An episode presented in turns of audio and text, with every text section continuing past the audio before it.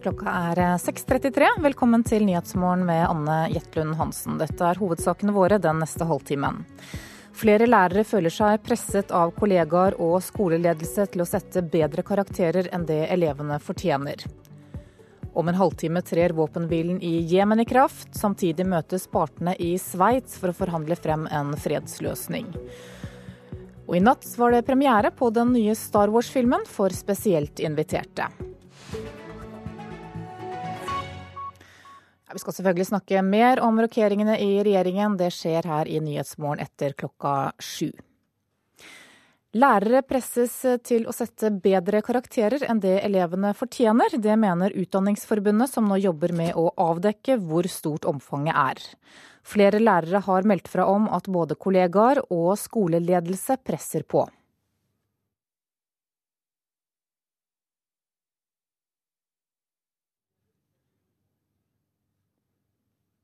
Sliter litt med å få satt i gang eh, innslaget. Det handler også om at eh, lærere presses til å sette bedre karakterer enn det elevene fortjener. Det som eh, vi får tilbakemelding av fra lærere, er at lærere føler seg pressa til å vurdere annerledes det, det de faglig vurdere. Det forteller Betty Anita Solli i Utdanningsforbundet i Østfold, som har tatt saken opp sentralt etter at flere lærere har meldt fra om press når de skal sette standpunktkarakterer. Det betyr f.eks. at en elev som blir vurdert til karakteren ikke vurdert, f.eks. at han har hatt stort fravær og ikke vært til stede, eller at nivået er til én, så føler de seg pressa til å sette en karakter to. Eh, hvis du blir pressa til å sette fra ikke vurdert til karakteren 1, så det er gjerne fordi at da har du muligheten til å gå opp til en eksamen. Men hvis eleven blir satt til ikke vurdert, så må han ta opplæringsløpet om igjen. Hun tror det er flere grunner til at lærere føler et slikt press. Det kan være at det er lærere som ser at eleven vil ha en mulighet til å gå videre, at det er et oppriktig ønske fra læreren til å se den eleven videre. Eller det kan være at kanskje noen ønsker å rydde opp i noen statistikker. Det ser jo penere ut i fullført og bestått. Dette er en overkjøring av lærerne, mener Utdanningsforbundet, som skal jobbe med denne saken fremover. Men det er ikke uten utfordringer. Det presset er ikke sånn at det er noen kanskje som står over deg og sier at du må sette en annen karakter. Men det er mer sånn, ja, men hvis en bare får bestått i det faget her, så kommer en jo inn på det, det løpet han har tenkt å gå. Og da kanskje han får et fullverdig fagbrev til slutt. Sånn litt snill, spiller på følelser. Og så blir det ikke læreren sin faglige vurdering som ligger til grunn for den vurderinga som skal gjøres. Yrkesstoltheten til læreren den, eh, og den profesjonen det er å være lærer, den skal du ikke gå på akkord med. Sier leder av opplæringskomiteen i Østfold, Elin Tvete. Hun mener et slikt press må frem i lyset, og ber alle lærere melde fra. Hvis det er sånn at eh, lærere føler seg pressa, så må de jo ta det tjenestevei. De må ta det via nærmeste leder og rektor og videre opp i systemet. De kan ikke bare gå og eh, prate i krokene og være misfornøyd. Ta det tjenestevei og sørg for at det blir tatt opp på en skikkelig måte. Jeg synes jo ikke det er riktig, og det har jo heller ikke Utdanningsforbundet sin politikk. har jo slått fast at eh, lærere i grunnskole og videregående skole skal sjøl velge undervisningsmetoder og det er lærerens faglige og profesjonelle vurdering som skal ligge til grunn for både underveisvurdering og fastsetting av sluttvurderingskarakteren. Til slutt her hørte du Betty Anita Solli i Utdanningsforbundet i Østfold. Reporter her var Anette Torjussen. Saudi-Arabia har samlet 34 muslimske land i en militær allianse som skal bekjempe terrorisme. Alliansen der bl.a. Egypt, Qatar og Tyrkia skal være med, skal ledes fra et operasjonssenter i Riyadh.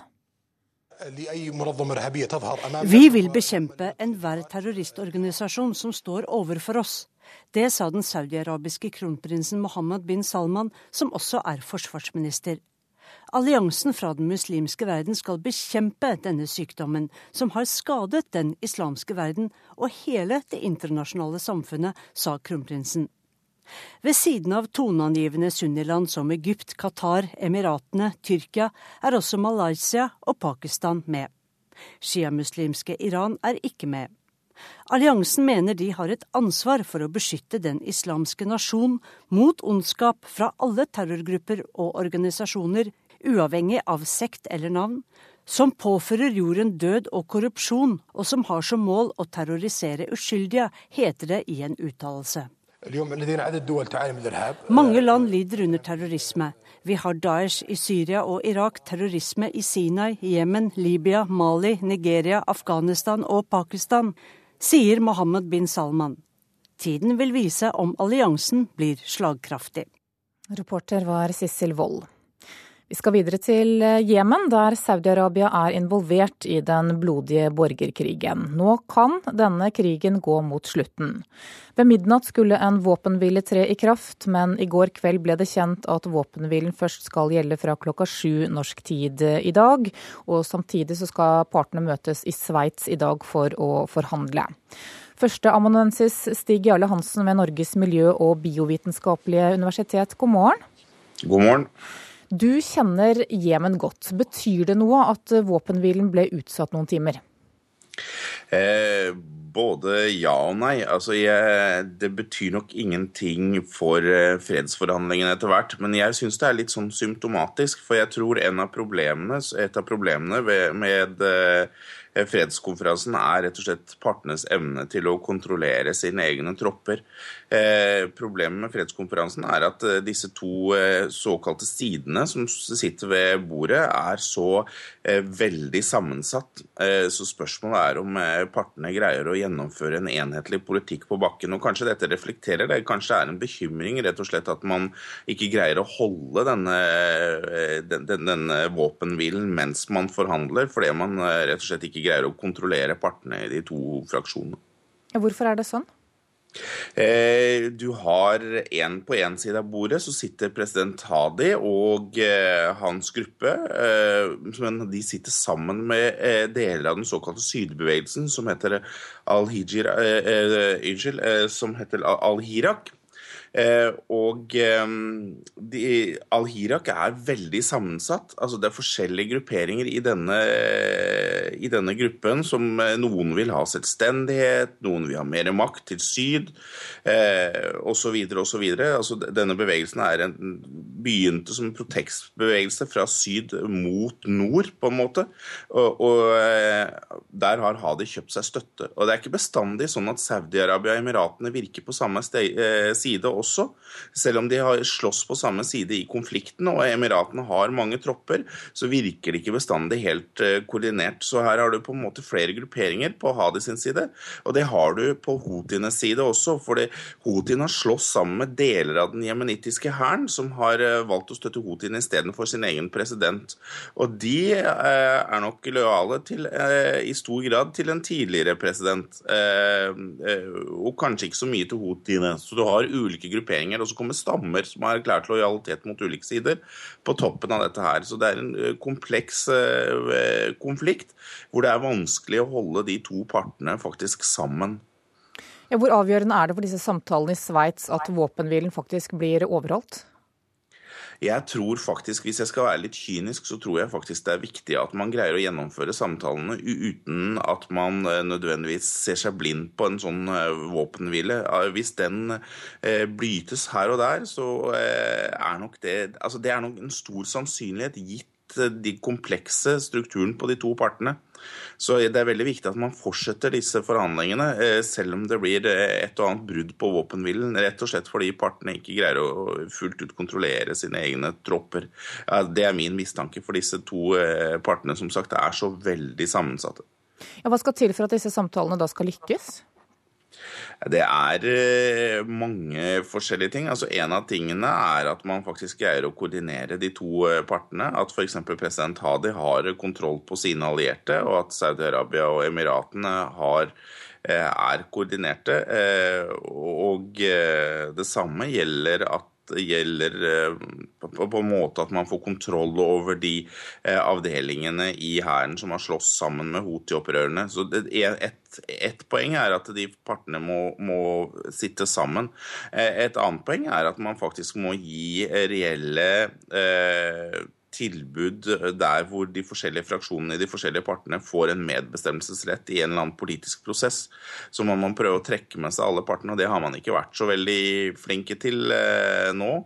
Og så skal man prøve å, eh, få inn en del våpen her fra de forskjellige fraksjonene. Det tror jeg også blir veldig viktig. Altså Houthiene f.eks. har sittet på egne våpen siden eh, antagelig siden 2004-2005. og Spørsmålet er om de vil gi slipp på disse våpnene hvis det da eh, blir lagt på bordet en, eh, et forslag om at man eh, tar vekk våpnene fra de forskjellige fraksjonene. Eh, et mellomforslag kan være at bare Houthiene gir tilbake de våpnene de har erobret fra hæren. Det er én mulighet. Men eh, jeg tror et nøkkelpunkt er at man må få reell politisk deltakelse fra de forskjellige gruppene internt i de to, i de to sidene her, eh, sånn at de ser at de faktisk sitter ved bordet i en politisk prosess. Stig Jarle Hansen, takk for at du var med her i Nyhetsmorgen.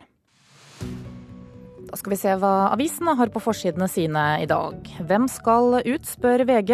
Ifølge avisen så blir det altså utskiftinger i regjeringen i morgen.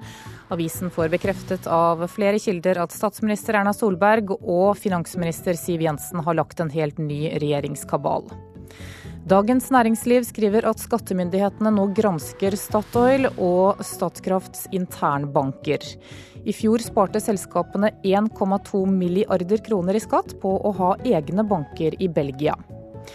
Aftenposten forteller hvordan norske soldater trener opp kurdere til krig mot terrorgruppen IS. 60 norske soldater er allerede på plass nord i Irak, og nå er Norge bedt om å bidra mer. Adresseavisen skriver at siden 2011 har 115 kvinner i Norge fått erstatning for feilbehandling eller feil diagnose av brystkreft. 14 kvinner døde som følge av svikten, og minst 25 har fått redusert levetiden sin som følge av den forsinkede diagnostikken eller behandlingen. Finanskrisen i 2008 var bare en fartsdump sammenlignet med det vi opplever nå. Det sier administrerende direktør Irene Våge Basili i GC Riber Shipping til Bergens Tidende. Siden april i fjor har børsverdien av selskapet falt med to milliarder kroner. Hva nå Europa, er overskriften på Dagsavisens forside. I Tyskland gir forbundskansler Angela Merkel etter for presset i egne rekker når det gjelder flyktningpolitikken. Og i Frankrike øker presset mot president Francois Hollande om å samle venstresiden før presidentvalget i 2017, etter at Nasjonal Front gjorde et godt regionvalg i helgen. Det grønne skiftet gir skogeierne mer makt. Det mener iallfall Skogeierforbundet. Administrerende direktør Erik Landstein sier til Nasjonen at skiftet gjør næringen viktigere for samfunnet, og det gjør det lettere å få gjennomslag politisk. Konsernsjefen i Kongsberg Gruppen advarer oss mot å overdrive troen på nye gründere. Han sier til Klassekampen at Norge heller burde satse mer på teknologiutvikling rettet mot mellomstore industribedrifter. Flere hundre tusen mennesker har Star Wars-universet som utgangspunkt for sin tro, det skriver Vårt Land. I morgen er det premiere på den nye Star Wars-filmen, og disse har samme funksjon for tilhengerne som Bibelen har for kristne. Det sier religionssosiolog Markus Davidsen.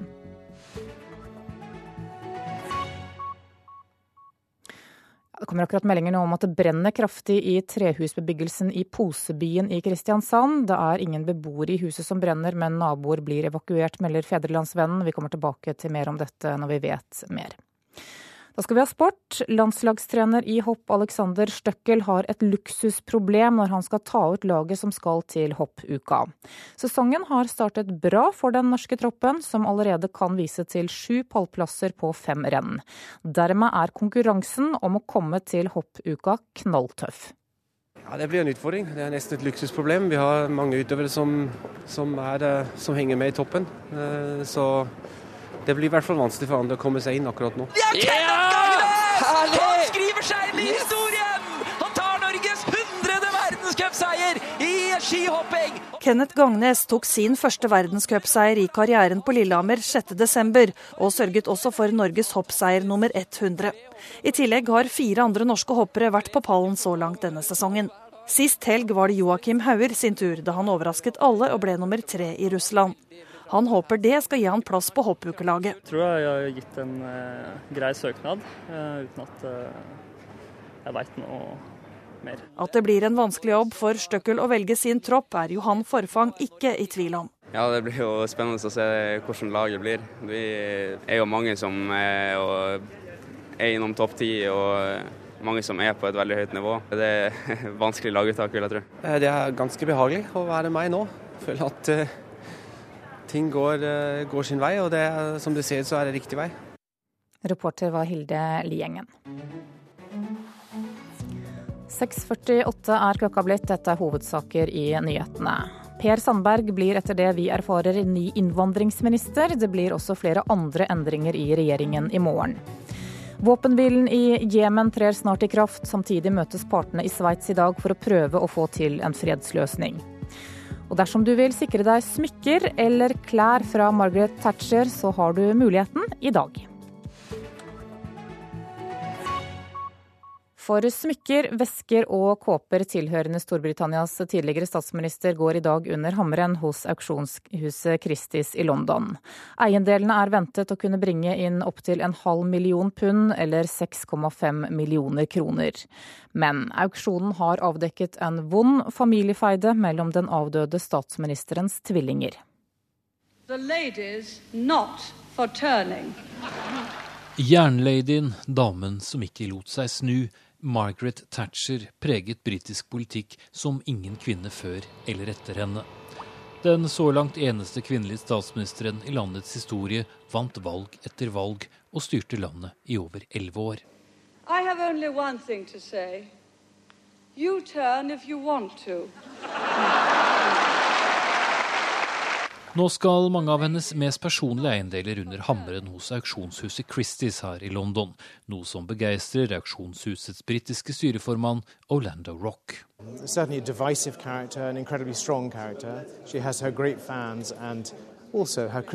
En helt klart splittende person og en sterk personlighet. Hun hadde sine fans og sine kritikere, men hun endret utseendet på britisk politikk og spilte en rolle på den globale scenen, sier Rock. Opprinnelig ble deler av samlingen som tilhører datteren Carol Thatcher, tilbudt Victoria og Albert-museet som en egen utstilling, men de takket nei. Nå blir i stedet halskjeder, smykker, kåper og håndvesker samt den karakteristiske røde kofferten hennes auksjonert bort i stedet.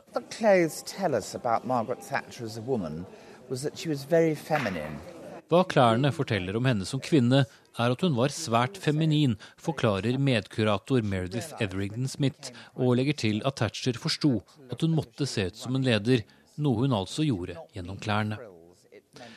Men auksjonen forteller også en annen historie, en tristere historie om dyp splittelse mellom Thatchers barn. For mens datteren Carol står for salget, så er tvillingbroren sir Mark Thatcher rasende over at dette skjer. Så dyp skal kløften mellom de 62 år gamle søsknene være at de ifølge flere aviser ikke lenger kan oppholde seg i samme rom. No. No. No. Det er til sammen 400 objekter som skal under hammeren, og det er anslått at det kan innbringe opptil 6,5 millioner kroner.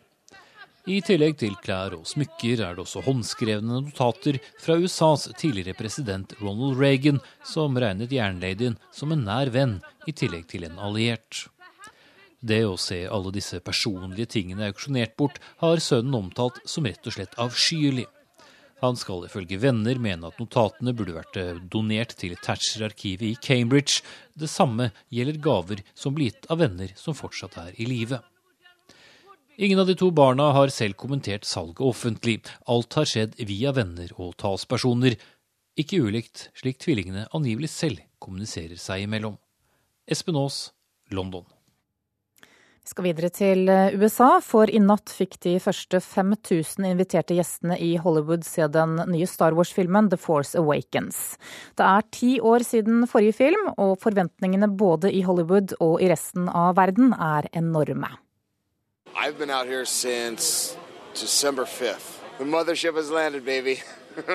Jeg har ligget i telt her siden 5. desember, forklarer Jason Thomas. Han og en mengde andre blodfans har ofret alt for å få være med på den store dagen da de første får se The Force Awakens. Men inn på den røde løperen slipper de ikke. Star Wars-premieren for spesielt inviterte skaper nemlig langt større ståhei i Hollywood enn Oscar-utdelingen, og sikkerhetstiltakene er enorme. 5000 inviterte gjester fikk i natt se filmen i tre ulike kinoer. Bl.a. der den første Star Wars-filmen hadde premiere for 38 år siden. Mye har skjedd siden den gang. Film nummer sju er det JJ Abrahams og ikke George Lucas som har regissert. Og Disney-konsernet har kjøpt rettighetene. Men de originale skuespillerne er fortsatt med. Harrison Ford, Carrie Fisher og Max von Sydow, som forklarer hvorfor filmene er blitt en slik enorm suksess. Uh, been, uh, entertaining, but also somewhere educating young people about important things in life. Filmene er både underholdende og til å lære av. En kan lære mye om livet fra Star Wars, sier han. På torsdag får The Force Awakens verdens største kinopremiere. Den skal vises på 4100 kinoer over hele verden. Billettene er revet bort de fleste steder, og det er ventet at filmen vil slå de fleste rekorder. Bare i Kina får filmen først premiere i januar. Også når det gjelder alle produktene som selges i filmens navn. Videospill, leker, klær og til og med appelsiner med Star Wars-logo er det ventet at rekorder vil bli slått. Filmen vil trolig dra inn nærmere 40 milliarder dollar i slikt salg.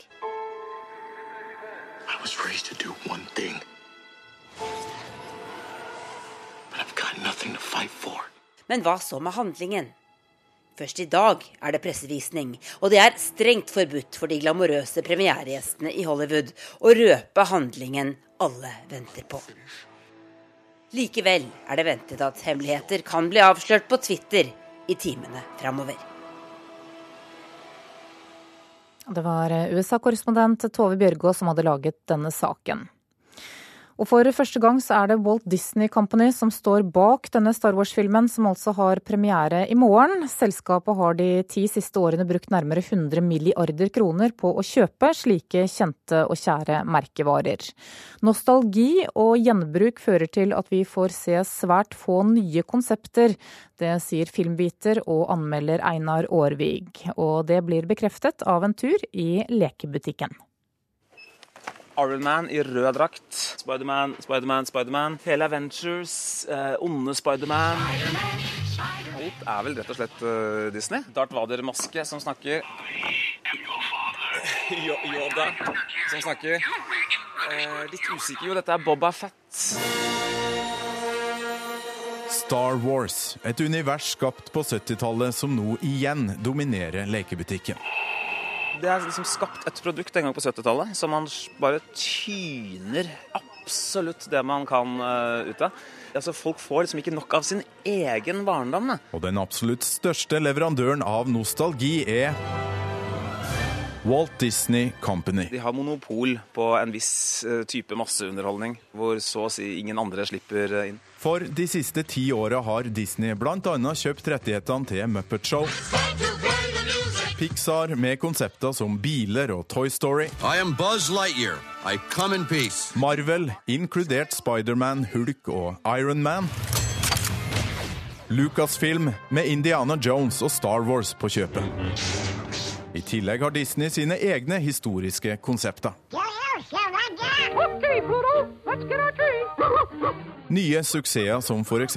Frost. Let it go er fint, det, men de riktig store konseptene uteblir, med en Einar Aarvik. Jeg tror Sist gang noen prøvde å lage noe nytt, så var det med en film som heter Cowboys and Aliens. Eh, man prøvde å lage en sånn ny, stor franchise. Da. Det funka veldig veldig, veldig dårlig. Folk vil ha noe de har sett fra før. Derfor Star Wars, derfor Avengers, derfor Muppets, derfor eh, ja, Disney osv. Det viktigste er jo at publikum får de filmene som de ønsker å se. Markedssjef i Walt Disney Company Norge, Bård Henrik Stokke, innrømmer at det kjente og kjære er førsteprioritet, men mener Disney med omtrent tolv filmer i året også bidrar med mye nytt innimellom. Det er jo ikke å eh, dytte under en stol, det altså, eller se bort fra at filmselskapene, og det gjelder ikke kun Disney, eh, ser jo at det er veldig mye tryggere å bruke mye penger på å lansere en film rundt en, et kjent konsept. Jeg tror nok at, at, Disney har vært veldig flinke til å ha en god kombinasjon. I tillegg lansere eh, innimellom disse sikre kortene eh, noen litt sånne wildcards, som vi kaller det. Reporter her var Torkil Thorsvik. Da skal vi se på et eh, værvarsel som gjelder til midnatt. Langfjella, oppholdsvær og perioder med sol. Lokal tåke vesentlig i dalene. Fjellet i Sør-Norge stedvis vestlig liten kuling. I morgentimene noen snøbyger i nordvest, ellers opphold og perioder med pent vær.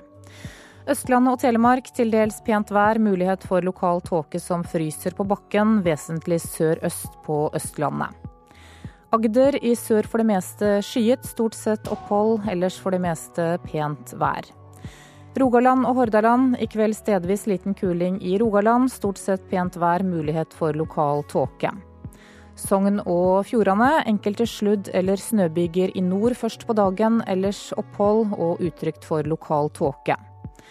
Møre og Romsdal fra i ettermiddag sørvestlig liten kuling på kysten. Enkelte regn- og sluddbyger, snø i høyden og utrygt for lokal tåke. Trøndelag fra i ettermiddag liten og kan hende stiv kuling. Regn og sluddbyger, snø i høyden, økende nedbør i nord i kveld. Helgeland enkelte sludd- og snøbyger. I kveld vestlig stiv kuling. Regn, i indre og høyere strøk snø. Saltfjellet, Salten, Lofoten, Ofoten og Vesterålen. Utover dagen minking til skiftende bris i sør, nordvestlig bris i nord og enkelte snøbyger. Troms nordvestlig stiv kuling utsatte steder. I ettermiddag minkende til frisk bris i sør og snøbyger. Finnmark vest- og nordvestlig stiv kuling utsatte steder. Snøbyger vesentlig i nord og vest. Og på Nordensjøland på Spitsbergen er det ventet eh, nordlig bris. Frisk bris utsatte steder og stort sett oppholdsvær.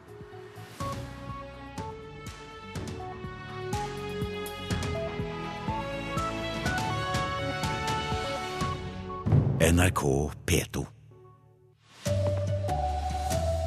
Erna Solberg stokker om i regjeringa. Per Sandberg blir etter alt å dømme ny innvandringsminister. Det brenner kraftig i et av de gamle trehusene i Posebyen i Kristiansand. Her er NRK Dagsnytt klokka sju ved Silje Sande. Nestleder i Fremskrittspartiet Per Sandberg er på vei inn i regjeringa. Etter det NRK kjenner til, skal Sandberg bli innvandringsminister, og han får med det ansvaret for asyl- og integreringspolitikken.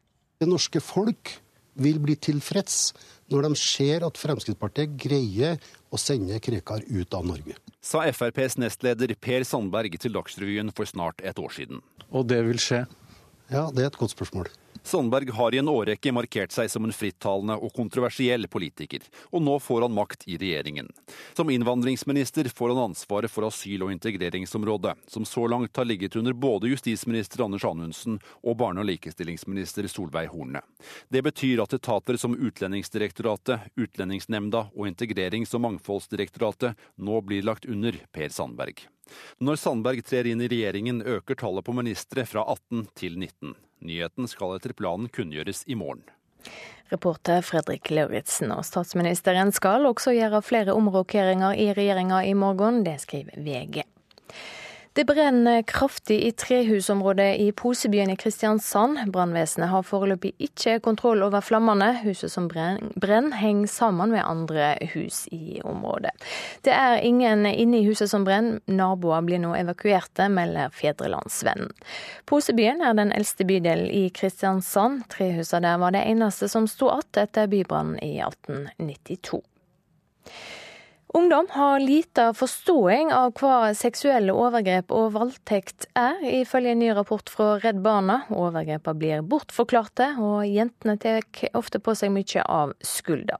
Og gutter kvier seg for å spørre jenter om hun vil ha sex. Det sier Silje Bergrav, som er prosjektleder for Redd Barna-rapporten. Guttene som jeg snakket med, de mente i veldig stor grad at eh, det var helt umulig å spørre om eh, den andre syntes at det var greit, eller om man, man kunne gå videre. Det syntes de var veldig kleint, som de sa. Men et positivt funn var at jentene eh, i overveiende grad syntes at det var veldig ålreit. De eh, nevnte eksempler på at de hadde blitt spurt eh, om det var greit, og, og syntes at det var veldig søtt. At det viste at eh, gutten brydde seg. Så, så de ønsket mer enn noe annet at gutter skulle kommunisere underveis. Det sa prosjektleder Silje Bergrov. Det var NRK Dagsnytt. Klokka er eh, tre minutter over sju. Nyhetsmorgen fortsetter med disse sakene. Som vi hørte i Dagsnytt, så blir altså Per Sandberg ny innvandringsminister, etter det vi erfarer. Og dette er bare én av endringene i regjeringen som blir presentert i morgen. Det brenner kraftig i trehusbebyggelse i Posebyen i Kristiansand. Og ungdom har liten forståelse for hva seksuelle overgrep og voldtekt er, ifølge Redd Barna. Men først nå til eh, endringene i regjeringen. Fremskrittspartiets nestleder Per Sandberg får altså en helt ny statsrådpost når statsminister Erna Solberg gjør endringer i regjeringen i morgen. Etter det NRK erfarer, så blir Sandberg innvandringsminister. Og vi erfarer også at det blir andre store endringer i regjeringen i morgen, slik VG også melder i dag. Og politisk kommentator Magnus Takvam, aller først, hvorfor blir Sandberg innvandringsminister? Eh, for det første så er det fordi han selv da er villig, og statsministeren aksepterer eh, det. Som en del husker, så var det mye snakk om at Per Sandberg eh, valgte ikke å ta en statsrådsjobb da den blå-blå regjeringen ble etablert i sin tid. Men det er klart at med den historikken han har, særlig på asyl- og innvandringsfeltet, så er dette et kontroversielt valg som helt åpenbart vil skape debatt og diskusjoner. Hvorfor blir han hentet igjen nå, etter to år i regjering? Ja, for det første så, så, er det naturlig i alle regjeringer å foreta en omrokering omtrent på det tidspunktet der vi, der vi er nå. Og så er det klart at prinsipielt så er det et Høres det ut som et fornuftig grep å samle skal vi si, eh, alle, alt det arbeidet som har med dette store og viktige feltet å gjøre, eh, hos én eh, minister. Sandberg blir en del av Justisdepartementet, men overtar altså ansvaret for både integrering, asyl og innvandringspolitikk, bl.a. fra Barne- og likestillingsdepartementet. Siden dette blir et så stort politisk område framover, så vil man da samle det så, så å si på én hånd. Han blir jo sett på som en kontroversiell politiker. Eh, hvilke reaksjoner kan vi vente oss?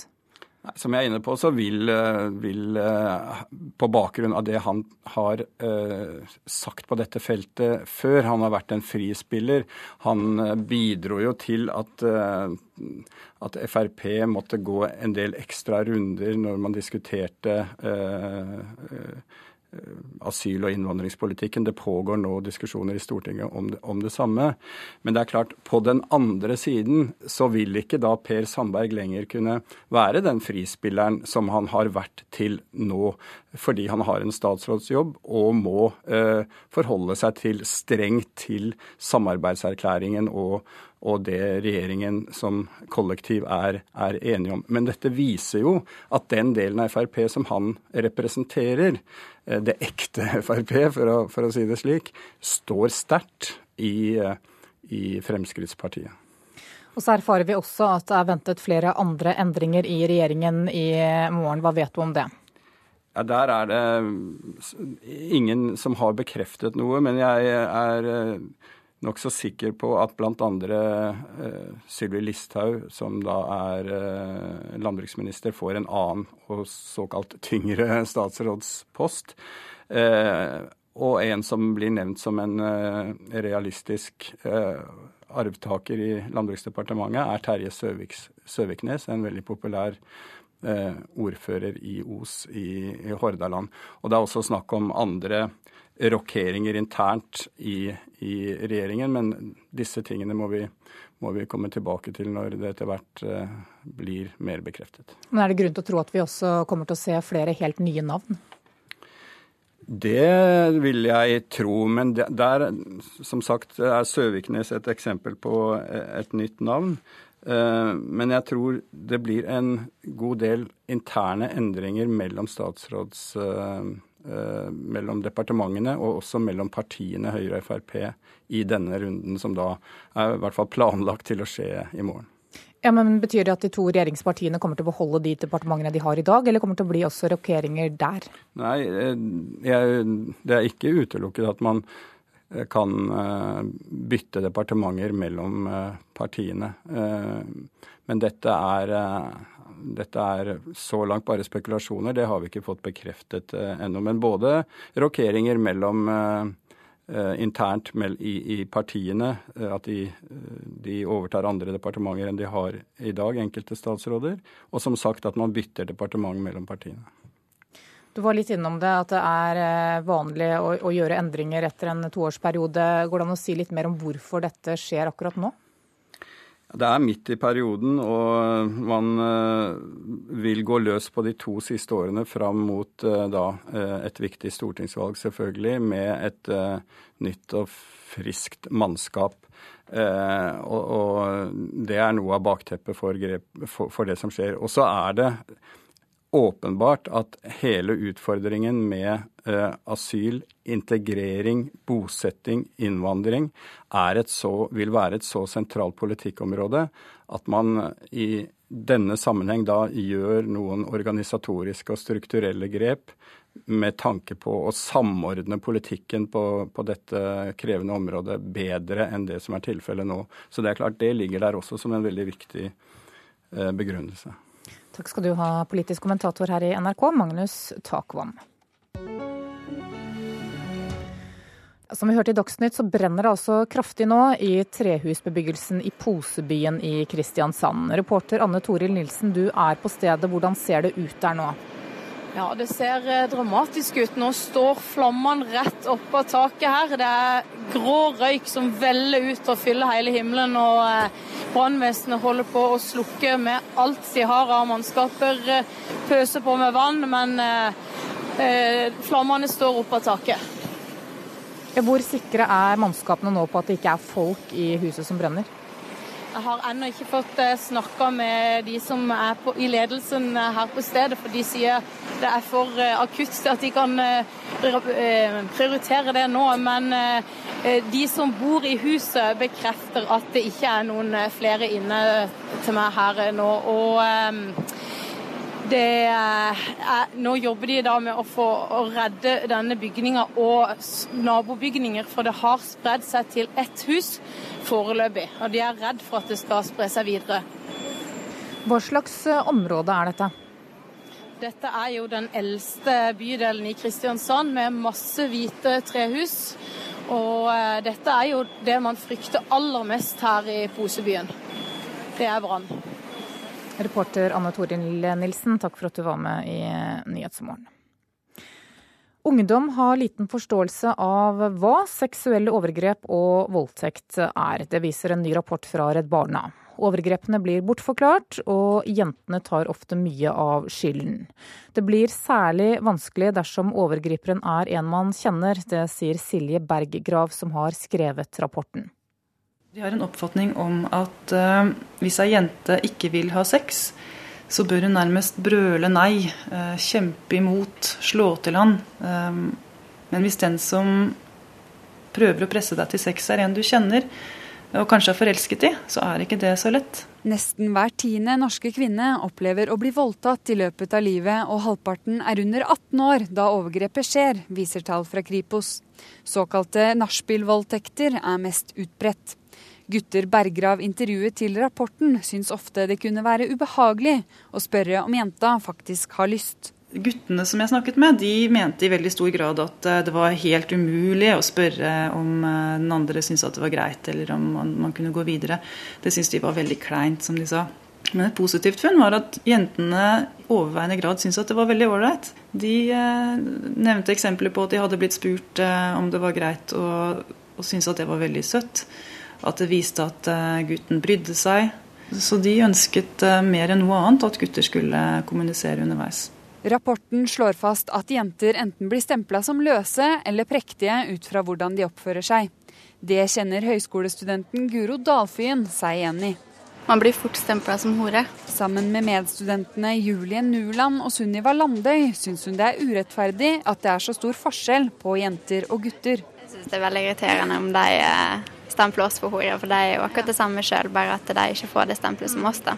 Jeg vet ikke hvorfor, men det er jo bare sånn for guttene at det er, liksom, det er creds da, hvis du har gjort et eller annet, og de skryter av det og sånn. Jo, nei, Det er ikke noe tvil om at uh, dette er uh, begreper som, som, sitter ganske løst blant uh, ungdom i dag, både blant jenter og gutter. Mannsforsker og daglig leder av stiftelsen Hedda, Jørgen Lorentzen, mener det er på høy tid at det skjer en holdningsendring. Veldig mye av den måten de tenker på er egentlig sånn som gutter og jenter tenkte for 30-40-50 år siden. En mye, mye gammelt tankegods, altså knytta til liksom jenter som horer og løse og, og, det ene med det andre, og, og, gutter som predatorer. Så vi må være veldig veldig tydelige på at uh, gutter skal faktisk passe på seg sjøl også. Reportere her var Ida Evensen og Randi Midtskog. Karoline Steen Nylander, leder i Redd Barnas ungdomsorganisasjon Press, god morgen. God morgen. Ifølge rapporten dere har laget, så viser også ungdom eh, dere har snakket med, liten forståelse av hva seksuelle overgrep og voldtekt er. Hvorfor er det sånn? Jeg tror at dette er et todelt problem, som man ser. Ehm, det største problemet mener vi er eh, synet på kjønnsroller, rett og slett. Eh, og det er et problem som kommer delvis av samfunnsutviklinga, det at man ser en stadig seksualisering av samfunnet. Både gjennom reklame- og mediebransjen og generelt sosiale medier.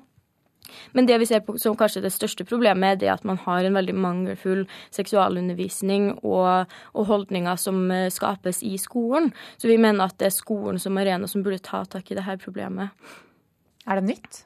Nei, absolutt ikke. Eh, det, det, man ser, er jo at det her er gamle kjønnsroller som henger igjen fra for 30-40-50 år siden.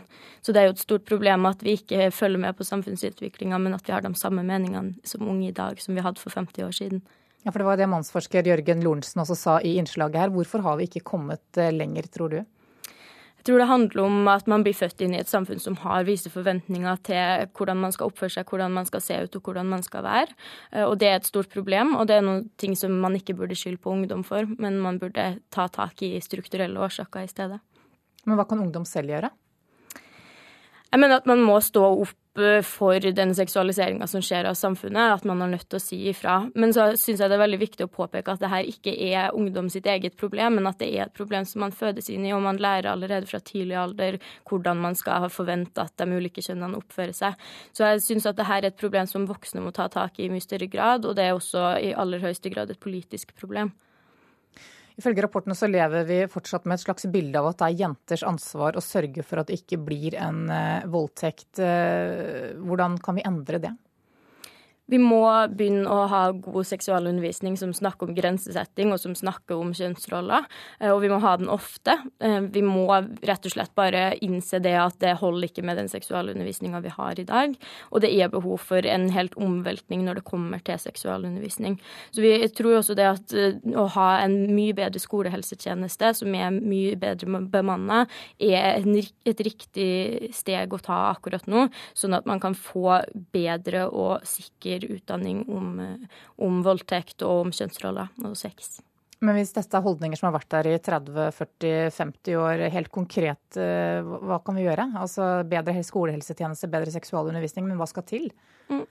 Eh, det som skal til, er rett og slett å begynne å reflektere over det her. Vi vet jo at de holdningene som er er blant unge i dag, ikke er holdninger som, som, man har med seg videre. Og man blir kanskje mer og mer um, reflektert rundt de her problemstillingene når man blir eldre, og det er noen ting som man lærer seg når man går videre etter skolen. Og det syns vi er problematisk, at det er noen ting du ikke lærer på skolen og blir rusta til når du er under utdanning, men heller er noen ting man har nødt til å finne ut av sjøl. Karoline Steen Nylander, takk for at du kom hit til Nyhetsmorgen. Klokka nærmer seg 17 minutter over sju nå. Dette er hovedsakene våre. Per Sandberg blir etter det vi erfarer innvandringsminister, og dette er en av endringene i regjeringen som blir presentert i morgen. Det brenner kraftig i trehusbebyggelse i Kristiansand. Flere personer er evakuert. Og bli med oss videre og hør at eh, første den første norske jagerflygeren fløy norsk F-35-fly i USA i går kveld. Bankene har strammet inn når det gjelder å låne ut penger til bedrifter. Det viser næringslivets eh, økonomibarometer fra NHO for oktober, november og desember. Nesten 2600 bedrifter er med i undersøkelsen. Bankene har altså satt på bremsen overfor Bedrifts-Norge og peker på strenge kapitalkrav som årsak. De prøver dermed å redusere andelen av denne typen utlån, og vrir seg mer mot boliglån. Det er særlig små og mellomstore bedrifter som merker endringene. Investeringene reduseres, og det blir mindre rom for å ansette folk i en tid hvor arbeidsløsheten går opp. Ikke siden finanskrisen i 2008-2009 har tallene for markedssituasjon og sysselsettingsvekst vært lavere enn nå, ifølge barometeret. Blant oljebedriftene i NHO rapporterer nå over halvparten om fallende etterspørsel. Også husholdningenes forbruk, altså ditt og mitt, er lavt. Og Det sa reporter Katrin Hellesnes. Avdelingsdirektør i NHO Dag Årnes, god morgen. God morgen, ja. Investeringene reduseres og det blir mindre rom for å ansette folk. Kan du si litt mer om hvilke konsekvenser dette får for bedriftene? Eh, ja, det får jo den konsekvens at eh, det blir eh, mindre vekst over tid og mindre omstillingstakt. Og og de blir mindre i stand til å, til å møte si, konkurransen i fremtiden. Det er særlig små og mellomstore bedrifter som merker endringene. Hvilke bransjer er det som eh, rammes hardest? Nei, det er jo eh, de som eh, er knyttet til oljeleverandørvirksomhet generelt. Men vi ser vel nå at, at, at den svake konjunkturutviklingen sprer seg i, i, i noen andre deler av økonomien. Og så er det noen sektorer som går eh, en del bedre, som eh, en del tradisjonelle eksportnæringer, reiseliv bl.a. Er dette en stor endring fra tidligere? Den endringen vi ser nå, er vel at eh, ja, skal vi si, produksjonsveksten har stoppet nesten helt opp i NHO-bedriftene sånn samlet sett. Og vi ser også at det er en del, noen negative faktorer som, som, som som påvirker de mer mellomlangsiktige utsiktene. Altså. Spesielt da dette med kredittilgang og, bank, og, bankenes rolle i å, å, få investeringsveksten i gang igjen i norsk økonomi. Ja, hva slags eh, ansvar har bankene her? Nei, eh, Bankene reguleres jo nå i et nytt eh, kapitalregelverk. og og det virker på oss som om de i mindre og mindre grad er i stand til å møte næringslivets behov for investeringskreditt. Og det bekymrer oss. Vi syns dette er en eh, skal vi si, unødvendig risiko å ta i, i den situasjonen økonomien befinner seg i nå. Ja, hvorfor er det sånn, tror du? Nei, eh, det har jo vært vedtatt å, å gjennomføre disse eh, Innføre dette nye kapitalregelverket i, i Norge. Vi for en god del år siden. Vi mener bare at timingen er, eh, er, veldig dårlig akkurat nå. Men Betyr det at eh, dere mener at bankene har et samfunnsansvar som de ikke lenger oppfyller? Jeg vil ikke si at det er bankenes samfunnsansvar. Det er mer Vår analyse er vel at det er mer på myndighetssiden og, og ønsket om å få innført disse, disse kapitalreglene så raskt. Det, vi, vi syns at myndighetene her tar en, en unødvendig risiko på dette området. Hva skulle dere ønske dere da? Nei, Vi skulle ønske oss at, vi, at, man, at man, brukte noe mer tid på å, å, å få dette på plass, slik at, slik at eh, bankene opprettholdt noe mer av evnen til å yte kreditt til næringslivet. Avdelingsdirektør Dag Årnes i NHO, takk for at du kom hit til Nyhetsmorgen. Saudi-Arabia og 33 andre land kunngjør at de har dannet en militær koalisjon som skal kjempe mot terrorisme. De skal ha et felles operasjonssenter for å koordinere og støtte militære operasjoner, heter det i en felles uttalelse. Blant annet eh, blant de som skal være med i koalisjonen mot terror er Golfstatene og en rekke arabiske land som Egypt, Qatar og De forente arabiske emirater, muslimske land som Tyrkia, Malaysia og Pakistan, i tillegg til flere afrikanske land. I går kveld fløy en norsk jagerflyger for første gang et norskeid F-35-fly. Det skjedde på Luke-basen i den amerikanske delstaten Arizona. Denne vesten er en del av beskyttelsen ved utskytning, for den har sånne liner her som ved utskytning skal dra armene plass. Jagerflypilot Morten Hanke er i ferd med å ta på seg utstyret som skal til for å fly F-35. Han har aldri fløyet et norskeid F-35, og en av dem som er kommet til Arizona for å se på, er generalinspektøren i Luftforsvaret, Per Egil Rygg. Ja, Først og fremst vil jeg si at det er en uh, historisk dag. Uh, dette er noe som skjer uh, kanskje én gang hvert 40. år for en nordmann. og det er som å ha, vinne OL og VM og EM samtidig. Og så tar flyet av mot blå himmel med høye fjell, ørken og kaktuser som bakgrunn. Et amerikansk fly følger det norske opp i lufta. F-35 flys alltid i formasjoner på minst to. De drar sørover for å trene på støtte til bakkestyrker i fjellendt landskap, og kommuniserer underveis både med hverandre og med soldatene på bakken. Pilot Morten Hanke er fornøyd. Føltes eh, veldig bra. Det var en ordentlig bra flymaskin. Og det er første gang jeg lander en flymaskin uten å ha noen ting å skrive opp. Det er ikke noe galt med den. 68 milliarder kroner koster de 52 flyene som Norge har bestilt, norske skattebetalere. Men Hanke er ikke i tvil om at dette er et langt bedre fly enn forgjengeren F-16. Det er mye enklere for flyveren å ha oversikt hva som skjer rundt, og det er viktig i et jagerfly. Eh, det gir oss mulighet til å operere i nærheten av trusler som vi ikke kan fikse med F-16. Det er på en måte iboende i F-35. Og det gir oss lang rekkevidde, som er kjekt når vi har en så store havområder så langt, strakt land som Norge er. Alle F-35-piloter får spesialtilpassede hjelmer til 3,3 millioner kroner stykket. Men de gir et syn på 360 grader og er helt sentrale i en kampsituasjon. Ja, Det er ganske surrealistisk. Og det er altså slik at Vi har seks kameraer, så vi kan på en måte se gjennom flymaskinen. Ved at kamera som peker ned, det, kan, det utsnittet kan vi vise i hjelmen. Og det, det kan være kjekt, og det, det, er helt klart en veldig rar følelse hvert fall, å sitte og se gjennom flyet og ned på bakken. Her i USA er flyprogrammet fortsatt kontroversielt, bl.a. pga. store kostnadsoverskridelser og mangler, bl.a. når det gjelder programvare som samler inn og deler informasjon mellom piloter som flyr sammen. Men generalinspektør Rygg er optimist. Det er en prosess med å oppgradere software til et nivå som gjør at vi løser disse problemstillingene som går opp. Og Sånn er det med all utvikling av nye fly. Det var eh, vår USA-korrespondent Gro Holm som fulgte treningsflygingen i Arizona. Skal vi se hva avisene har på sine forsider i dag. Dagens Næringsliv skriver at skattemyndighetene nå gransker Statoil og Statkrafts internbanker. I fjor sparte selskapene 1,2 milliarder kroner i skatt på å ha egne banker i Belgia. Aftenposten forteller hvordan norske soldater trener opp kurdere til krig mot terrorgruppen IS. 60 norske soldater er allerede nord i Irak, og nå er Norge bedt om å bidra mer. Adresseavisen forteller at siden 2011 så har 115 kvinner i Norge fått erstatning for feilbehandling eller feil diagnose av brystkreft. 14 kvinner har mistet livet som følge av svikten. Finanskrisen i 2008 var bare en fartsdump sammenlignet med det vi opplever nå. Det sier administrerende direktør Irene Våge Basili i GC Riber Shipping til Bergens Tidende.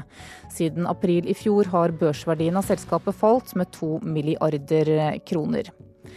Hva nå, Europa, er eh, overskriften på Dagsavisens forside. I Tyskland gir forbundskansler Angela Merkel etter for presset i egne rekker i flyktningpolitikken. Og i Frankrike øker presset mot president Francois Hollande om å samle venstresiden før presidentvalget i 2017, etter at Nasjonal Front gjorde et godt regionvalg i helgen. I disse dager så er det mange som samler inn gaver, slik at også fattige familier får pakker til jul. Men vi er ikke like flinke til å gi gaver til eldre barn og ungdom. I år etterlyser Fattighuset gaver til barn over tolv år. I denne posen var det luer, og det er kjempebra til vinteren. På Fattighuset i Oslo rydder frivillige på plass årets julegavedonasjoner. Så også fattige familier skal ha pakker under treet på julaften. For det er ull. Mange har levert inn dokker, bamser og andre leker til de minste. I fjor så hadde vi det problemet at det var veldig mye til små barn, og så var det ikke noe særlig til ungdom. Og det ble et veldig problem, for var, vi hadde jo ikke noe å gi dem. Det sier Wenche Andersen, styremedlem i Fattighuset. Derfor etterlyser de i år gaver til barn over tolv år. For selv om de prøver å finne løsninger når de mangler gaver til ungdom, er det ikke alltid det går. Du blir jo lei deg. Det er jo ikke noe hyggelig. Og du vil gjerne prøve å hjelpe så godt man kan, liksom. Men eh, vi, vi, får på en måte ikke gjort bedre enn det vi klarer å gjøre. For hvis ikke vi får inn ting, så vi har vi har ikke midler til å gå og kjøpe. Hun får støtte fra Helene Sandbu Ryeng, kommunikasjonsrådgiver i Unicef Norge. Jeg tror kanskje de eldre barna, ungdommene, de kjenner ekstra godt på det å være fattig i en jul som dreier seg om veldig mye materialistiske ting. Hun skjønner at folk kan synes det er vanskelig å donere gaver til eldre barn. Jeg forstår at de som donerer gaver, fort kan tenke at det som ungdommene gjerne ønsker seg, som iPad eller kanskje en uh, ny vinterjakke, er ting som heller ikke de har råd til å donere, og derfor velger de å ikke donere noe som helst. Jeg tenker at det går an å finne gaver som er innenfor rimelighetens uh, grenser, også til de litt eldre barna, og prøve å heller tenke litt uh, kreativt og, og, litt annerledes. Hvor er sminka, mamma? Skal jeg ta sminke? Ja. Tilbake på Fattighuset mener også Wenche Andersen at gaver til ungdom ikke trenger å være dyre. Alt fra kosmetikk og gavepakker med dusjsåper og parfymer til undertøy, luer og sokker er gode alternativ, mener hun. Kjøper du en genser, sett på byttelapp. Gi f.eks. et gavekort hvis du har råd til det. Så kan de gå ut og kjøpe det selv etter jul, for da får du dem også på salg, og da kan de velge selv. Og her er det borte. Jo, for det er jo en veldig sårbar alder ved å ikke få at noen husker på dem. Du tenker liksom de er halvt barn, halvt voksne. Men de er jo allikevel barn. Det sa Wenche Andersen, som er styremedlem i Fattighuset, og reporter var Milana Knesevic. Du lytter til Nyhetsmorgen nå. Klokka nærmer seg 7.30 og Dagsnytt. Produsent for Nyhetsmorgen i dag, det er Ulf Tannes Fjell, og her i studio, Anne Jetlund Hansen.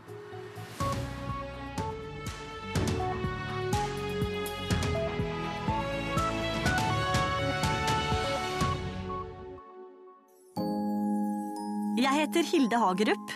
I mitt jul i P2 skal jeg snakke om det å lese og det å skrive, og om verden.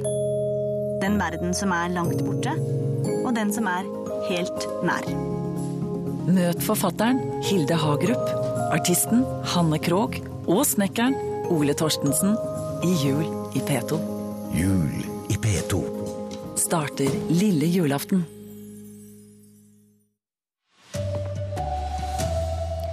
Regjeringskabalen blir lagt på nytt. Per Sandberg fra Frp blir ny statsråd. Det brenner kraftig i et verneverdig trehusområde i Kristiansand.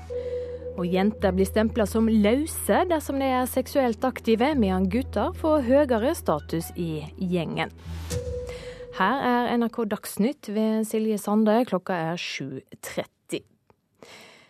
Nestleder i Fremskrittspartiet, Per Sandberg, er på vei inn i regjeringa. Etter det NRK kjenner til, skal Sandberg bli ny statsråd. Det norske folk vil bli tilfreds når de ser at Fremskrittspartiet greier å sende Krekar ut av Norge. Sa FrPs nestleder Per Sandberg til Dagsrevyen for snart et år siden. Og det vil skje? Ja, det er et godt spørsmål. Sandberg har i en årrekke markert seg som en frittalende og kontroversiell politiker, og nå får han makt i regjeringen. Som innvandringsminister får han ansvaret for asyl- og integreringsområdet, som så langt har ligget under både justisminister Anders Anundsen og barne- og likestillingsminister Solveig Horne. Det betyr at etater som Utlendingsdirektoratet, Utlendingsnemnda og Integrerings- og mangfoldsdirektoratet nå blir lagt under Per Sandberg. Når Sandberg trer inn i regjeringen, øker tallet på ministre fra 18 til 19. Nyheten skal etter planen kunngjøres i morgen. Ja, statsminister Erna Solberg skal ifølge VG også gjøre flere endringer i regjeringa. Reporter her Fredrik Lauritzen. Med meg nå politisk kommentator Magnus Takvam. Hvorfor kommer Per Sandberg inn i regjeringa nå? For det første fordi han uh, vil det selv. Som en del husker, så uh, sa han da denne blå-blå regjeringen ble etablert etter valgseieren, at han ikke ville bli statsråd. Uh, og så har det jo vært en periode der Fremskrittspartiet der han på en måte har opptrådt som frispiller i, sentrum, i Fremskrittspartiet, men velger nå da å gå inn i regjering. Og det viser jo at den delen av Fremskrittspartiet som skal vi si, assosierer seg med Per Sandberg og hans linje, står sterkt i partiet, og at det er riktig at de blir representert også i regjering. Sandberg er jo en kontroversiell politiker. Hva reaksjoner kan vi vente oss? Ja, jeg tror eh, det, det, blir naturligvis reaksjoner i, i, i, det feltet der hvor han kommer til å jobbe. Men samtidig tror jeg partier som, eh, som KrF og Venstre vil gi han en sjanse og eh, først skal vi si, reagere hvis på den måten etter, etter, det han gjør i praksis i regjering, og ikke skal vi si, uh, være litt mer avdempet i, i, i starten når, når, det blir kjent at han blir statsråd. Det blir for øvrig presisert at eh, tittelen på hans statsrådsansvar ikke er innvandringsminister, så vi får vente til detaljene kommer, helt presist å si hvilket eh, hvilken portefølje han skal ha nøyaktig. Hva vet vi om de andre endringene som kommer fra statsministeren i morgen? Der vet vi ikke så mye konkret. Eh, jeg tror det blir en del eh, bytter internt mellom statsrådene. Blant andre tror jeg Sylvi Listhaug får et annet departement, muligens også Tine Sundtoft, som i dag er eh, klima- og miljøminister. Men det er for tidlig å å komme med bekreftede meldinger om, om regjeringskabalen nå. Så det må vi vente med utover dagen og til i morgen. Takk skal du ha, Magnus Takvam. Det brenner kraftig i det gamle og verneverdige trehusområdet Posebyen i Kristiansand. Brannvesenet har ikke kontroll, forteller reporter Anne Torhild Nilsen. Ja, det ser eh, dramatisk ut. Nå står flammene rett oppå taket her. Det er grå røyk som veller ut og fyller hele himmelen. Og eh, brannvesenet holder på å slukke med alt de har av mannskaper. Eh, pøser på med vann, men flammene står oppå taket. Jeg har ennå ikke fått eh, snakka med de som er på, i ledelsen eh, her på stedet, for de sier det er for eh, akutt at de kan prioritere det nå. Men de som bor i huset, bekrefter at det ikke er noen flere inne. Nå jobber de da med å få å redde denne bygninga og nabobygninger, for det har spredd seg til ett hus foreløpig. Og de er redd for at det skal spre seg videre. Ungdom har eh, svak forståing av hva seksuelle overgrep og voldtekt er. Det viser en ny rapport fra Redd Barna. Jenter blir stempla som horer, mens guttene skryter av å ha mange partnere. De studentene vi snakker med, kjenner seg igjen. Man blir fort stempla som hore. Jeg syns det er veldig irriterende om de eh, stempler oss for horer, for de er jo akkurat det samme sjøl, bare at de ikke får det stempelet som oss. da. Jeg vet ikke hvorfor, men det er jo bare sånn for guttene at det er, liksom, det er creds da, hvis du har gjort et eller annet, og de skryter av det og sånn. Jo, nei, Det er ikke noe tvil om at uh, dette er uh, begreper som, som, sitter ganske løst blant uh, ungdom i dag, både blant jenter og gutter. Det sier Silje Berggrav, som har intervjuet ungdommene rapporten er basert på. Overgrep blir gjerne bortforklart, og jentene tar ofte mye av skylda etter voldtekter. De har en oppfatning om at uh, hvis ei jente ikke vil ha sex, så bør hun nærmest brøle nei, uh, kjempe imot, slå til han. Um, men hvis den som prøver å presse deg til sex, er en du kjenner, og kanskje er forelsket i, så er ikke det så lett. Nesten hver tiende norske kvinne opplever å bli voldtatt i løpet av livet, og halvparten er under 18 år da overgrepet skjer, viser tall fra Kripos. Såkalte nachspiel-voldtekter er mest utbredt. Gutter Berggrav intervjuet til rapporten syns ofte det kunne være ubehagelig å spørre om jenta faktisk har lyst. Guttene som jeg snakket med, de mente i veldig stor grad at eh, det var helt umulig å spørre om eh, den andre syntes at det var greit, eller om man, kunne gå videre. Det syntes de var veldig kleint, som de sa. Men et positivt funn var at jentene i overveiende grad syntes at det var veldig ålreit. De eh, nevnte eksempler på at de hadde blitt spurt om det var greit, og, og syntes at det var veldig søtt. At det viste at gutten brydde seg. Så de ønsket mer enn noe annet at gutter skulle kommunisere underveis.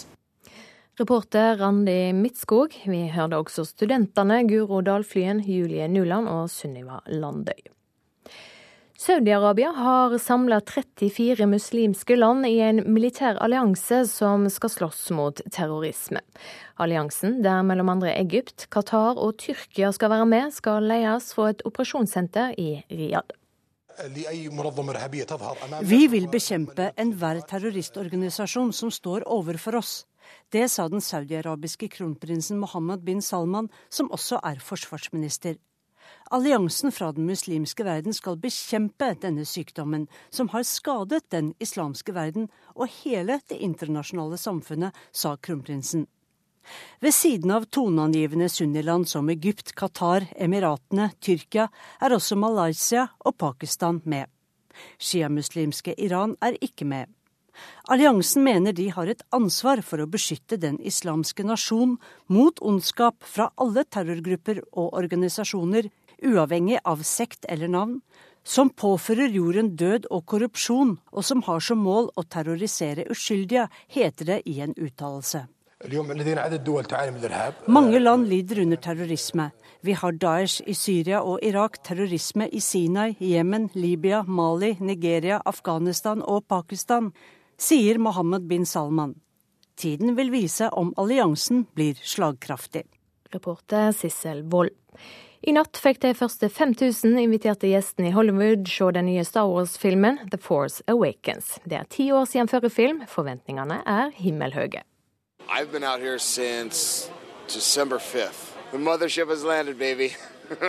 Jeg har ligget i telt her siden 5. desember, forklarer Jason Thomas. Han og en mengde andre blodfans har ofret alt for å få være med på den store dagen da de første får se The Force Awakens. Men inn på den røde løperen slipper de ikke.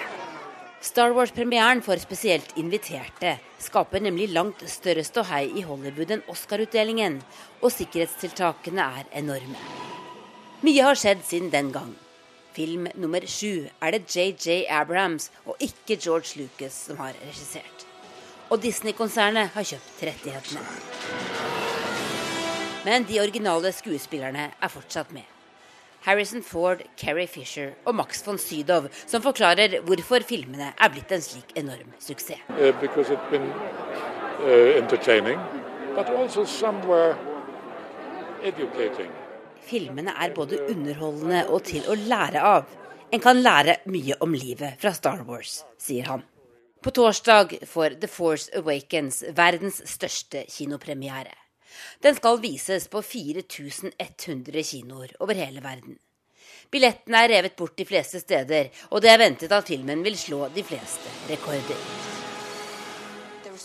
Ja, det sa Tove Bjørgaas. Ansvarlig for eh, NRK Dagsnytt, Anne Skårseth.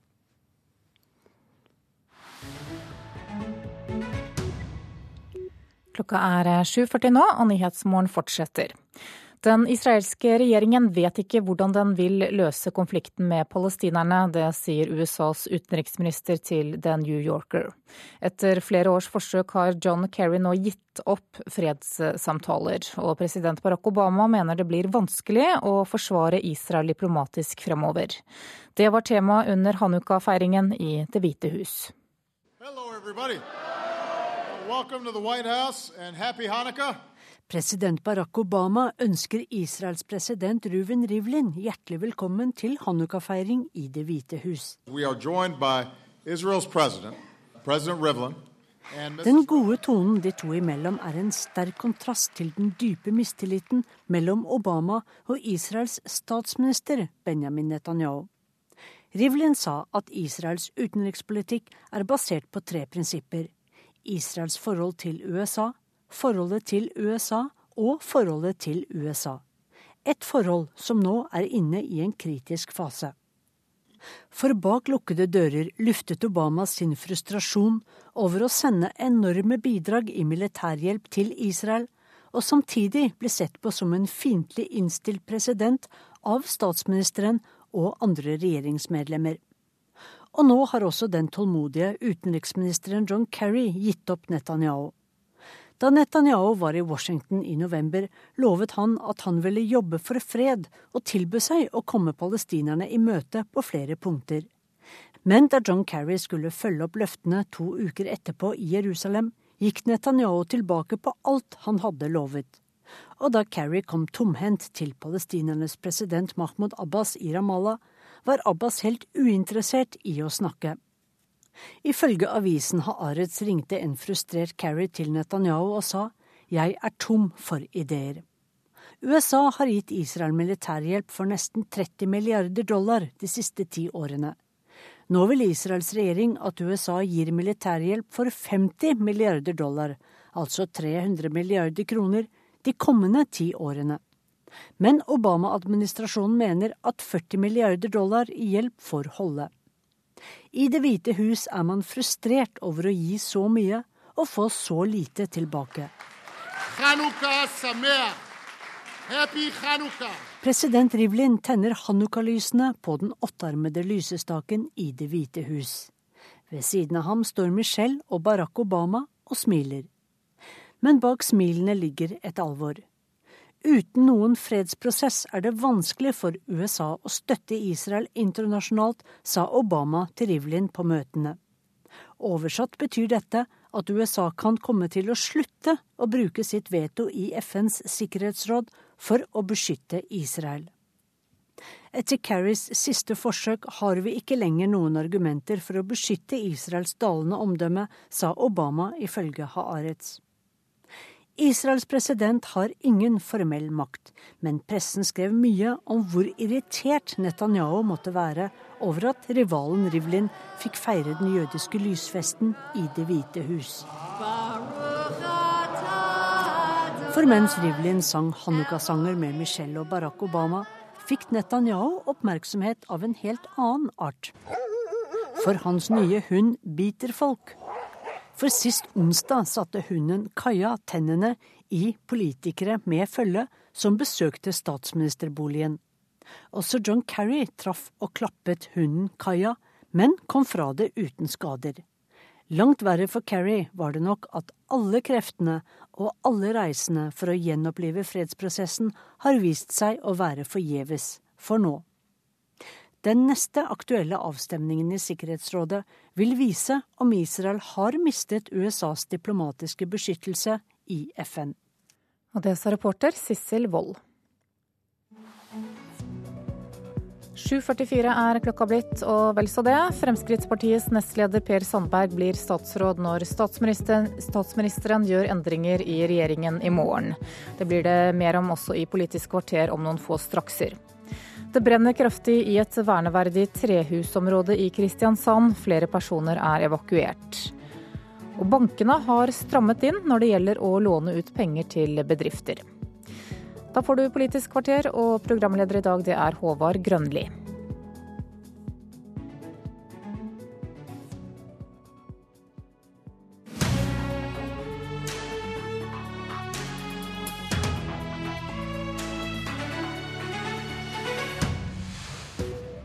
Per Sandberg skal inn i regjering.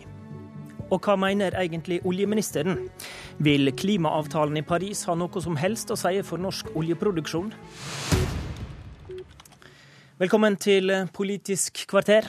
Det er tid for endring. Regjeringa har vært uendra siden den tiltrådte høsten 2013, men den endringa du hører om i dag tidlig, er ingen detalj. God morgen, politisk kommentator Lars Nehru Sand. På dager som i dag så er det lett for folk av vårt slag å stå opp. Spennende nyheter. Per Sandberg skal, etter det vi i NRK vet, inn i regjeringa. Hva skal han få ansvar for? Det er litt usikkert hva slags ansvarsområde han får, men det grepet regjeringen eh, samtidig tar, er å eh, utnevne en egen statsråd som skal få ansvaret for asyl- og integreringsområdet, som i dag er eh, samla til flere departement, bl.a. Barne- likestillingsdepartementet og Justisdepartementet. Nå skal det opprettes en ny statsrådspost i Justisdepartementet, hvor, som da får et samla ansvar for det som jo blir en av de største utfordringene. å løse her på hjemmebane for norske politikere i årene som kommer. Og vet vi om Sandberg får denne posten? Sandberg er et aktuelt navn til å få den eh, posten. Per Sandberg skal uansett inn i regjering. Nestlederen til eh, Fremskrittspartiet, som ikke var en del av statsrådskabalen for to år siden, har vært en, en eh, i noens øyne provoserende frispiller siden den gang, men har men har eh, nå da blitt vurdert dit hen at han skal få en plass rundt kongens bord. Ja, Litt mer om de vurderingene. Mister ikke Frp da en viktig frispiller som kan formulere kjenslene på grasrota i Frp uten å ta omsyn til alle avveininger i regjering? Det er jo den rollen han selv har yndet å dyrke eh, de to årene som, eh, som, nå har gått. Eh, jeg tror de som fulgte regjeringsforhandlingene eller sonderingene i, i Nydalen for to år siden, husker eh, Per Sandberg som en eh, i noens øyne overraskende konstruktiv eh, medspiller i forhandlingsrommet eller sonderingsrommet mellom de fire partiene. Det betyr at til topps i de fire partiene så har han en, en viss standing, eller hadde i hvert fall da. Og så har han nok spilt rollen sin på en utfordrende måte for, for mange i, i, da to år. Men nå blir han uansett en, en del av den kretsen som Erna Solberg og Siv Jensen viser mest tillit til til ved å ha med som en del av eh, regjeringskollegiet. Ja, for, det, for, eh, for eksempel i dette studioet da, så har det jo eh, skjedd ting som har vært en rød klut på samarbeidspartiene Venstre og KrF, særlig KrF. Hvordan er, hvor smart er det da å ta han inn og ansvarliggjøre han? Nei, Det kan man argumentere for begge vis. Altså, det er klart at uh, Per Sandberg vil gjøre en, en, god jobb som statsråd, høyst sannsynlig. Han uh, forstår politikk, han forstår sin, sin uh, rolle til enhver tid. Noen vil kanskje si han har forstått den for godt i de to årene som har gått. Men man kan også si at den ventilen som har vært i stortingsgruppa til Fremskrittspartiet, forsvinner på sett og vis nå. Han har vært en, en samlende figur mellom to fløyer, altså både en regjeringsvennlig og en regjeringskritisk fløy i, i FrPs partigruppe på Stortinget. Og når de eh, nå får eh, eh, hvis de da får mister den funksjonen, så går det an å se på det som vel så problematisk som at den funksjonen er der. Innvandringsfeltet er et område der Frp uh, har stort ansvar allerede. Hvis det er slik at uh, hans parti og Sandberg får denne posten òg, da, uh, hvorfor skal Frp ha hele området, så å si? Ja, nå kan man si at De har hatt store deler av området ved å ha ansvaret for både justis, altså selve ankomsten, eh, integreringsfeltet i, BLD og til og med arbeidsministeren. Så eh, Fremskrittspartiet har uansett hatt en stor, eh, stort ansvar for det, for det sakskomplekset. Og nå å samle det til en statsråd, sannsynligvis da øke antallet statsråder i regjeringen, er ikke nødvendigvis et, et dårlig grep. Vi tror da at dette skjer i ekstraordinært statsråd i morgen. Ehm, det kommer vel flere endringer når de først gjør dette? Det gjør det. Det kommer nye inn. Eh, det går nok flere ut også. Eh, I tillegg så byttes eh, ansvarsområdet både mellom statsråder og mellom de to partiene Høyre og Frp som, som utgjør regjeringen. Takk til deg, politisk kommentator Lars Nehru Sand.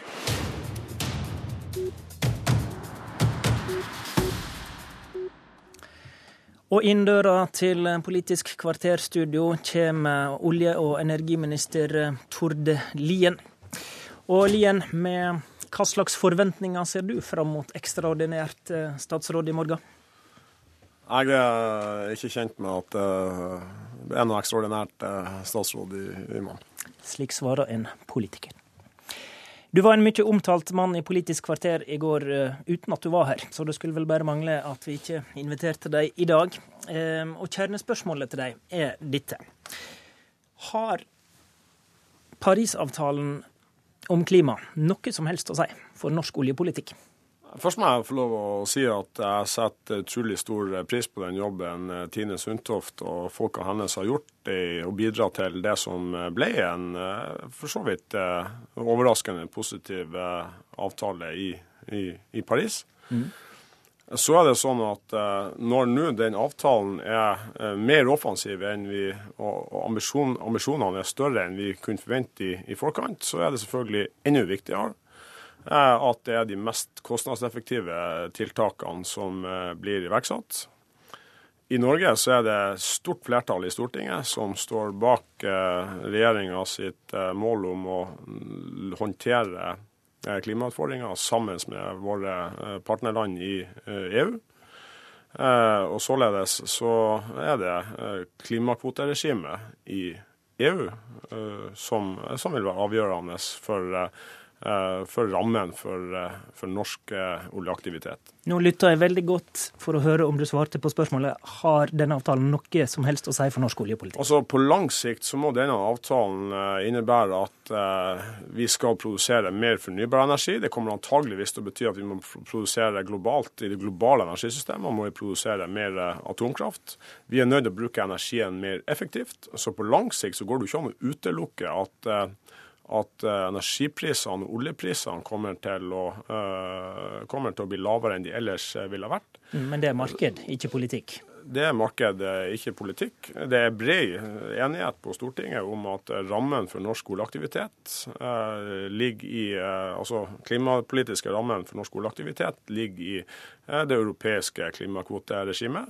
Det er allerede sånn at, så, så, norsk oljepolitikk ligger fast, da? Det er, det, ja, det, det, det er, allerede sånn at de, de, de, industriene som ligger innenfor klimakvoteregimet, skal frem til 2030 redusere med 40, eh, mer enn 40 sine utslipp.